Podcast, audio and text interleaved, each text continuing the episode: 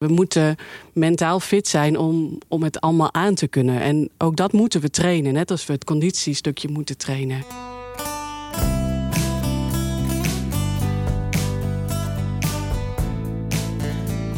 Je kent het misschien wel.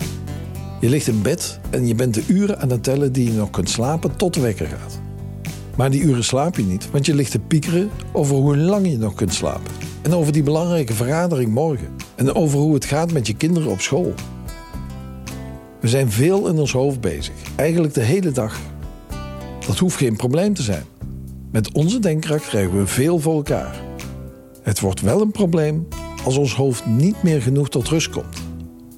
Als het voelt alsof er geen moment is dat we niet meer hoeven te denken, te piekeren, te vergaderen, te plannen, te schrijven, te praten, te luisteren. Als het niet meer lukt om gewoon even stil te zijn. In de podcast Fit for the Job onderzoeken we hoe je fit wordt en hoe je dat vervolgens ook blijft. Mentaal en fysiek. Niet alleen jij als individu, maar ook je collega's en medewerkers. Mijn naam is Jan van der Hogen.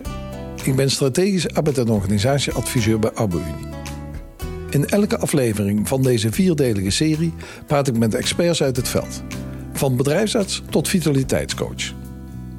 Het recept voor een gezond lichaam is eigenlijk heel simpel. Goede voeding en genoeg sporten. Maar wat te denken van een gezonde geest? Het een kan niet zonder het ander. We zullen het dan ook hebben over mentale fitheid. Wat is dat nou eigenlijk precies? En hoe ontspan je de geest in drukke werktijden? En welke rol heb je daarin als werkgever? Die vragen over mentale fitheid ga ik in deze aflevering beantwoorden met Jessie Beijer. Zij is GZ-psycholoog bij Arbe-Unie. Ze kan ons alles vertellen over hoe we kunnen ontspannen en hoe we onze mentale fitheid kunnen trainen. Maar eerst wilde ik van haar weten, wat is dat nou eigenlijk, mentale fitheid? Toen ik dit gisteren aan het voorbereiden was, ik zette mijn laptopje aan, klapte het draaiboek open. Toen uh, kreeg ik een moment van uh, stress. Hè, het, schoot even omhoog, uh, ik werd warm, zenuwachtig, ik kan dit niet. Ja, als soort van gedachten die kwamen op, blackout. En ondertussen heb ik geleerd door mijn vak, ook door ervaring, om dan mezelf even te herpakken. Hè? even te stoppen met wat ik aan het doen ben, even koffie te pakken, even naar buiten te kijken, even op mijn ademhaling te letten. Om vervolgens wel heel rustig dit goed kunnen voorbereiden in alle positiviteit. En volgens mij is dat een mooi voorbeeld van mentale fitheid.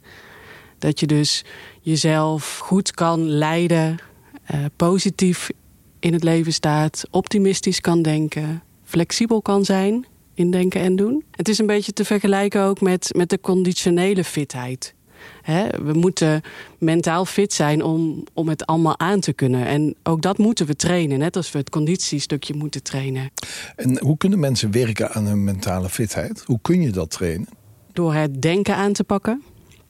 Probeer optimistischer te denken in plaats van al dat negatieve. Probeer uh, doelen te stellen in het leven. Um, een mooi boek van, um, van een psycholoog, Margriet Sitskorren. Uh, gaat over het maakbare brein. Het brein blijft tot latere leeftijd plastisch. Dus we kunnen zeker het, het veranderen. Stap 1 is denk ik bewustwording van patronen. Wat denk ik nu eigenlijk? Om vervolgens het aan te kunnen pakken. En het te kunnen veranderen. Naar meer realistische of positieve gedachten. Ja, precies. Dus de negatieve en wellicht wat irrealistische gedachten leren herkennen in, in, je, in, ja. in je denkpatroon. Ja, precies. Ja. Nou, moeten we van alles. Hè? We moeten gezond eten, we moeten sporten, we moeten tijd hebben met vrienden, familie doorbrengen, uh, presteren op het werk. Nou moeten we ook nog aan onze mentale fitheid werken. Mm. Voor dit weet gaat dat nog stress opleveren ook. Er zijn een paar dingen uit deze vraag die opvallen. Ten eerste gaat het over het woordje moeten. ik moet daaraan werken. En volgens mij gaat het veel meer over dat je het mag. Dat, dat, je, dat het iets is wat je wil doen in plaats van dat je zelf oplegt. Als je zelf iets oplegt, geeft het al gelijk veel meer stress. Is het prestatiegerichter. Zodra je iets mag van jezelf en iets wil, is het veel makkelijker. Het gaat ook over verplichtingen en eisen. Door die veel te hoog te stellen, de lat veel te hoog te leggen, maakt dat het nagenoeg ook niet meer haalbaar is of heel veel stress oplevert. Nou, ik herken het ook wel, wat je zegt, in, in mijn eigen denkpatronen. Dat uh, juist in momenten van stress uh, het woord moeten heel veel voorkomt in hoe ik nadenk over mijn hele planning, de dag, et cetera. Ja, door dingen um, veel meer te mogen van jezelf gaat de stress naar beneden. En ja, natuurlijk zijn er dingen die we altijd moeten. Maar door daar goed over na te denken en door daar ook, ook de goede keuzes in te maken, maakt volgens mij al dat die stress wat lager wordt. Kun je daar nog wat over vertellen hoe mensen daaraan kunnen werken? Hoe mensen kunnen werken aan hun denkpatronen, aan de keuzes die ze maken, aan wat je zei, het, het verschil tussen moeten en mogen? Ook hier gaat het volgens mij weer over bewustzijn en reflectie. welke dingen moet ik nu eigenlijk voor mezelf, van mezelf? En welke mogen? Ik heb een keer een cliënt gehad en nou, die had een lijst van meer dan 100 punten op die, op die lijst staan met de dingen die ze moest. Of die moeten. Ja, dat, was natuurlijk veel te gek. En door daar aan te gaan werken en om die te gaan elimineren, uh, kreeg ze veel meer rust over zich. Daar zit eigenlijk een hele praktische tip in besloten, in wat Jessie daar zegt. Maak eens voor jezelf een lijst van alle dingen die je van jezelf moet en alle dingen die je van jezelf mag. Dat kan heel inzichtelijk zijn. In de afgelopen afleveringen hebben we steeds ingezoomd om wat je kunt doen om fit te worden en ook fit te blijven. Goed en gezond eten bijvoorbeeld. Maar er schuilt ook een gevaar in. Want als dat goede en gezonde eten te veel een moeten wordt, waarbij je de teugels niet meer mag laten vieren van jezelf, dan wordt het één van de vele dingen op de lijst die je moet. Jessie zegt dan ook: gun jezelf af en toe gemak. Het moet, daar is toch weer dat woord moeten, allemaal wel behapbaar blijven. Een van de dingen die ons het meest helpt in onze mentale fitheid is slaap. Maar zeker in drukke werktijden is dat niet altijd even makkelijk. Nou ja, slapen is, als je erover na gaat denken, eigenlijk een heel bijzonder uh, iets. Ik moet juist niets doen om in slaap te vallen. Dat is heel gek, want bij de meeste dingen moeten we iets doen, hè, prestatiegericht, uh, om iets te bereiken. En bij slaap moet ik juist vooral helemaal niets doen. En daar zit de kunst in. En dus ook het lastige. Om helemaal niets meer te doen. Om dat denken, dat negatieve denken vooral, dan uit te zetten. Want dat heb je nodig om in slaap te vallen. En wat zou dat in praktische zin kunnen betekenen? Het, het leren niets doen. Ik wil haast vragen, wat moet je daarvoor doen? Proberen dat negatieve denken te stoppen. door bijvoorbeeld je focus te leggen op de dingen die je iets positiefs opleveren. Dus denk aan een leuke vakantie die geweest is, of denk aan uh, gebeurtenissen die nog gaan komen. Eh, wat ook heel erg helpt, is om saaie dingen te denken. Hè. Ga rekensommetjes maken. Dat is heel geestdodend. En daardoor gaat dat brein langzaam naar die slaapstand toe. Uh, het helpt ook om heel mindful naar je ademhaling te gaan luisteren of het echt te gaan voelen. Dat is heel ritmisch. En daardoor gaat het brein weer in een soort ruststand komen. Goede slaaphygiëne is ook heel belangrijk. Dat zien we tegenwoordig ook uh, steeds vaker voorbij komen. En wat is dan slaaphygiëne? Um, dat je goed uh, voor jezelf zorgt, net, net voor het slapen gaan. Die media van tegenwoordig die maken dat dat brein constant aanstaat. En eigenlijk wil je zien dat een half uur voordat je naar bed gaat, dat brein al in een soort voorslaapstand gaat, zodat je daar langzaam aan wendt en rustig kan worden. Ehm, minder licht, minder geluid, minder prikkels om je heen. Dat helpt al heel erg om voor dat brein te zorgen en te zorgen dat dat rustig wordt. Maar je zegt dus heel concreet: een half uur voor het slapen, geen telefoon meer. En uh, even die social media achterwege laten. Heel vaak hoor je natuurlijk dat mensen op hun kussen nog die telefoon zitten bekijken. Ja, dat zeker als je slaapproblemen hebt, is dat heel erg kwalijk. Dat dat brein dan nog actief blijft.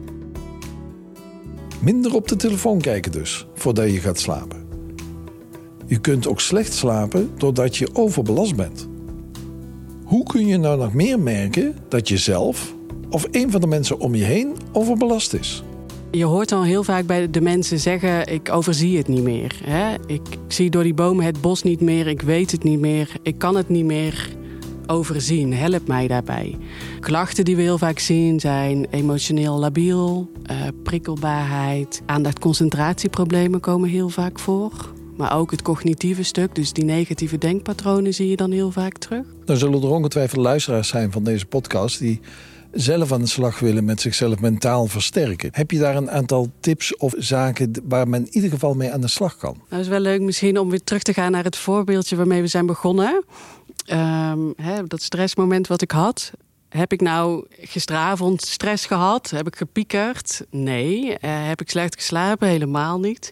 En waarom? Vooral volgens mij, en dat is wat ik de mensen ook gun, dat je dingen kan loslaten. Dat is een hele belangrijke. Hè? Um, heb ik er alles aan gedaan wat ik op dit moment kan doen? Heb ik alles gedaan wat in mijn macht ligt? Ja. Hè? Kijk het naar het voorbeeld. Ik heb me goed voorbereid. Meer kan ik op dit moment niet doen, dus kan ik het loslaten. Hè? Als een soort van nou ja, telefoon wegswipen, hè, dan is het uit mijn hoofd. En dat is heerlijk, dat ik gewoon een soort leeg hoofd heb. En daardoor kan ik aandacht hebben voor wat er op dat moment gebeurt. De kinderen mee te spelen of het eten aan het koken zijn. Dat is denk ik een hele belangrijke. De hoofden zitten vaak veel te vol met alles. Nou zie jij mensen die uh, in de problemen zijn gekomen... en vragen om hulp om daar weer bovenop te komen. Maar je ziet ook mensen in preventieve zin die nog niet in die mate in problemen zijn. Wat doe je met mensen die preventief aan de slag willen met hun mentale veerkracht of ontspanning?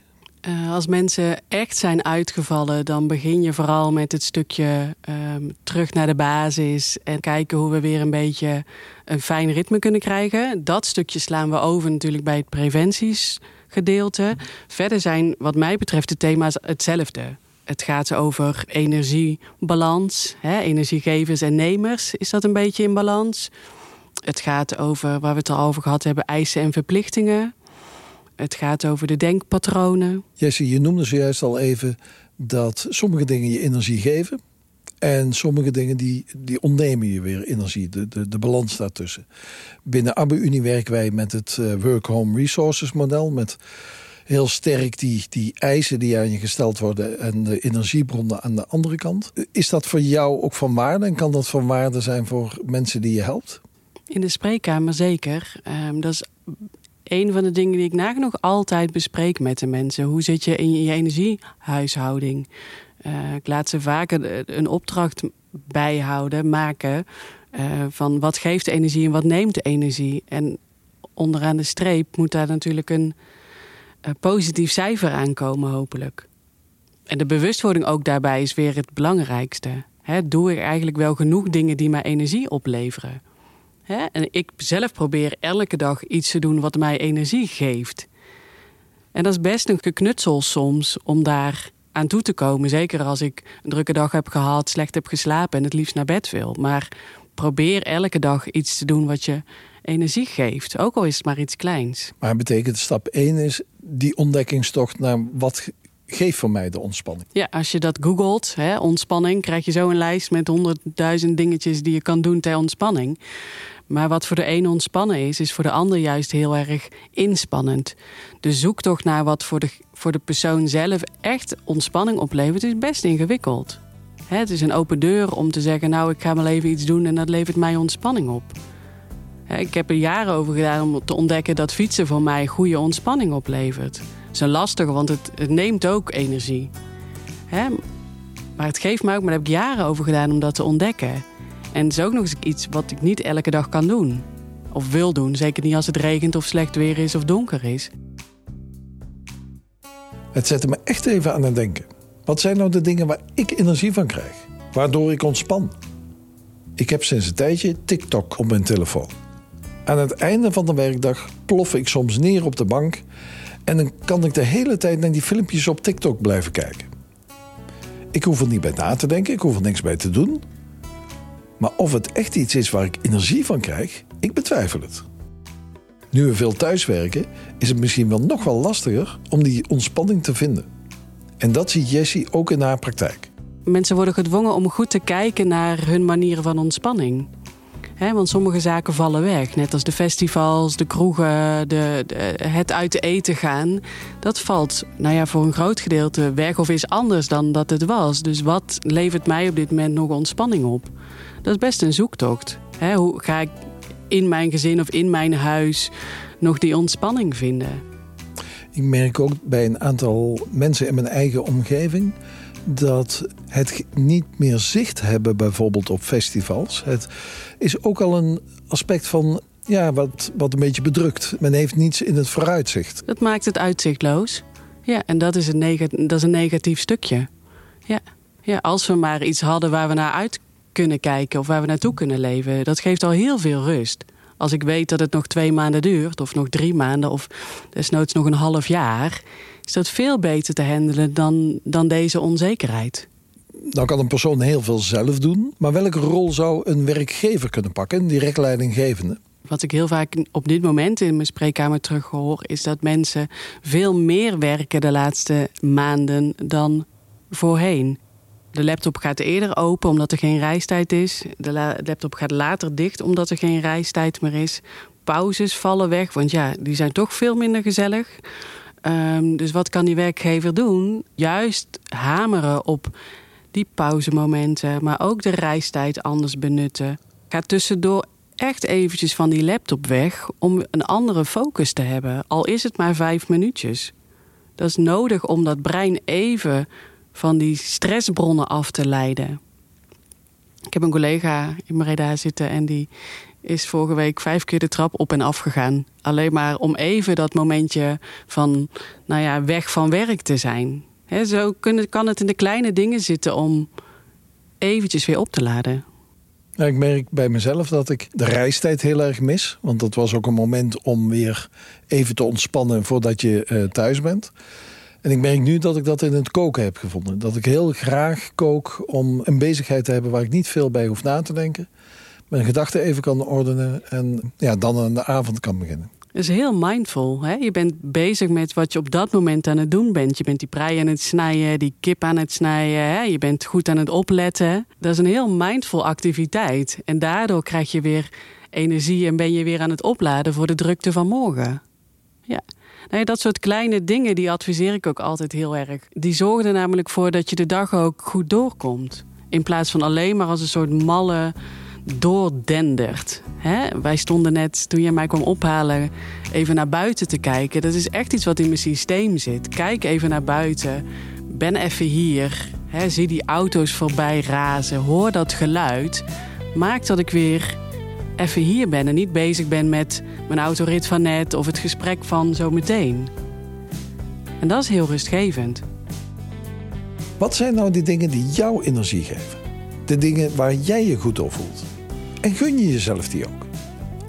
Ik probeer er echt aandacht voor te hebben. Voor mezelf, voor mijn omgeving en ook in mijn werk. In deze onzekere tijd is dat misschien nog wel belangrijker dan ooit. Of het nou over goed eten gaat, werken met mentale fitheid of voldoende bewegen. Al die dingen samen maken dat je fit voor de job kunt zijn. En dat ook kunt blijven. Dat is in ieder geval wat ik meeneem uit deze podcastserie. Dankjewel voor het luisteren.